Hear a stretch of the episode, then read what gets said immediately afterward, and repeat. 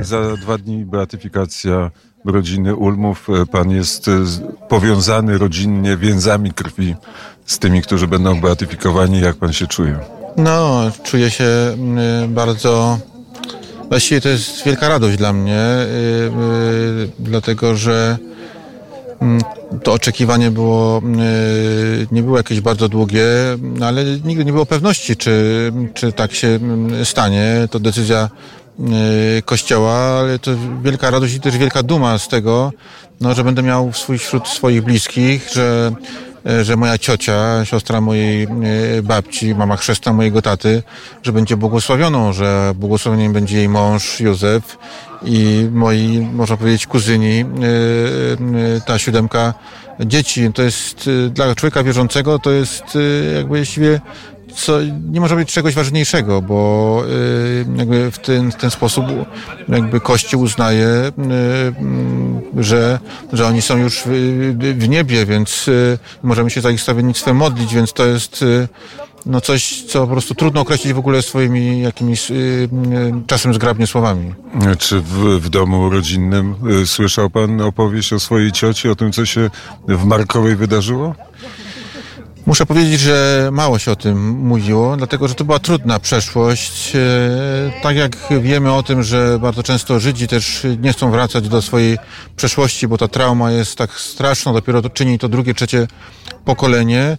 Tak i tutaj wspominanie tego czasu wojny nie było dla wszystkich e, e, łatwe. Ta eksterminacja Polaków miała miejsce w czasie wojny i tą częścią było zamordowanie rodziny Ulmu, którzy ratowali e, Żydów. Ja o tej historii e, dowiedziałem się dopiero wtedy, gdy zapytałem rodziców, kto jest na tych zdjęciach w albumach, który, osoby, które nie poznaję, bo jakby no, nie odwiedzamy się, nie znamy się. No i wtedy rodzice mi powiedzieli, że to są Ulmowie, Ulmowie, którzy zostali zamordowani e, za, e, zostali zamordowani przez e, Niemców. Natomiast szerzej o tej historii dopiero się dowiedziałem jako człowiek dorosły. Jak już był pan historykiem i zaczął pan badać historię swojej własnej rodziny?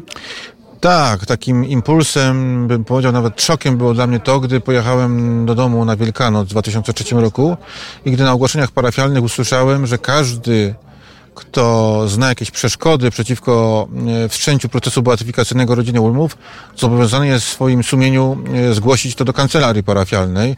To jest taka czynność, tak, taka mm, na wzór tego, jak jest przed ślubem, jak się wzywa, jak są zapowiedzi.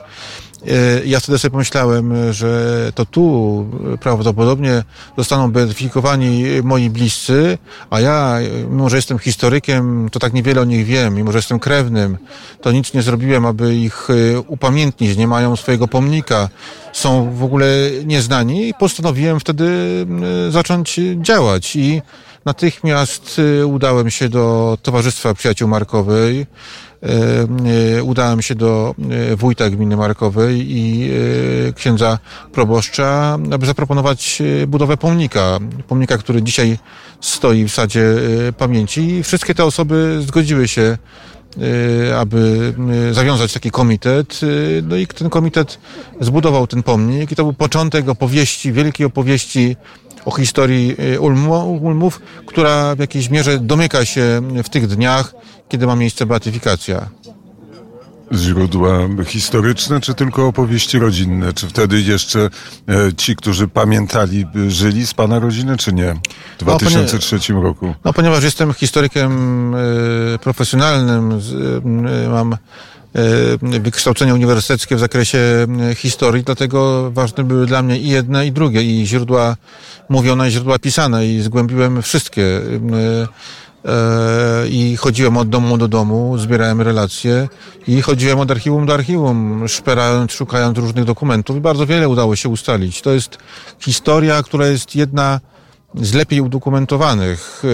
E, Zachowało się mnóstwo dokumentów z czasów wojny i dotyczących wojny, bo e, przy okazji skazania na sądu nad jednym ze sprawców, bardzo wielu świadków sąd wysłuchał, więc było e, na czym opierać te badania i dzięki temu mogły powstać nie tylko jakieś notki krótkie biograficzne, czy nie tylko notki mówiące o tych osobach, ale mogły powstać książki, a, a jeszcze dodatkowo ten kunszt, y, y, ta sztuka Józefa, którą posiadał w fotografii, spowodowała, że mogły powstać także i y, albumy, jakby chociażby ostatni Sprawiedliwi i ich świat fotografii Ulmów, czy w języku angielskim The Righteous and the Merciful, więc można z tą wiedzą dzięki temu dosyć e, łatwy sposób e, dotrzeć e, nie tylko do Polaków, ale i ty starać się także na zagranicę, do, do odbiorcy zagranicznego. Ta beatyfikacja ma wymiar oczywiście religijny, ale też ma wymiar historyczny i polityczny. O tym politycznym wymiarze beatyfikacji co by pan powiedział? No i o aspekcie politycznym za dużo to bym nie chciał y, mówić. To może myślę, że to w takim y, kontekście, że pokazujemy światu, że jak wielu było Polaków, którzy ratowali Żydów, jak wielu było tych, którzy zginęli, bo e, Ulmowie są tylko przykładem e, tych, którzy zostali zamordowani. Wiemy, że około tysiąca Polaków zginęło za pomoc Żydom. Żydom.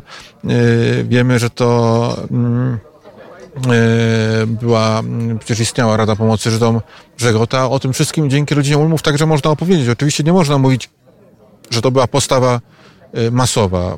Y, nie mogła być postawą masową, gdy okupant karał śmiercią za ratowanie Żydów. Y, bohaterstwo zawsze przynależy do mniejszości, ale to bohaterstwo, chociaż było w mniejszości, to było jednak w takiej wielkości, że naprawdę są wielkie wyrazy uznania, że znaleźli się w takiej liczbie Polacy, ludzie, którzy otwarli swoje strychy, swoje piwnice y, dla innych i to nie na jeden dzień, na tydzień, na, nawet nie na jeden rok, tylko okazało się, że to trzeba było y, y, pomagać przez półtora roku, przez dwa lata. To jest wielki wysiłek. Wielki wysiłek, jeśli popatrzymy na te domy, które nas otaczają, te drewniane, niewielkie domki, to tu nawet niewiele miejsca było dla własnych rodzin, a co dopiero do tych, jeszcze dla tych jeszcze przybyszów dodatkowe osoby, które trzeba było wyżywić, którym trzeba, które trzeba było im wyprać e, rzeczy po nich, które trzeba było usunąć nieczystości, no to jest heroizm najwyższej próby. Naprawdę heroizm, który powinniśmy podkreślać, podkreślać i zawsze o nim mówić. W niedzielę 3 września była taka w Markowej wielka uroczystość wezwani po imieniu rodziny tych, którzy, tych, którzy zginęli właśnie za pomoc Żydom. Te historie, które opowiadają, wszystkie są oczywiście dramatyczne, bo y, bez happy endu zarówno Żydzi ginęli, jak i ci, którzy im pomagali czy ukrywali, ale okazało się, że e, śmierć można było ponieść, nie wiem, za kawałek chleba, czy nawet, czy właściwie za nic. No, taka była okupacja niemiecka, że można było y, zginąć w każdej chwili. To nie lata 1914, 1918 i ówczesna okupacja niemiecka, austriacka czy rosyjska. To tego się nie da porównać. Y, to, co nam zagotowali Niemcy i Sowieci w latach 1939-1945, y, no, wymyka się z wszelkich wcześniejszych opisów tego, co miało miejsce na tych ziemiach.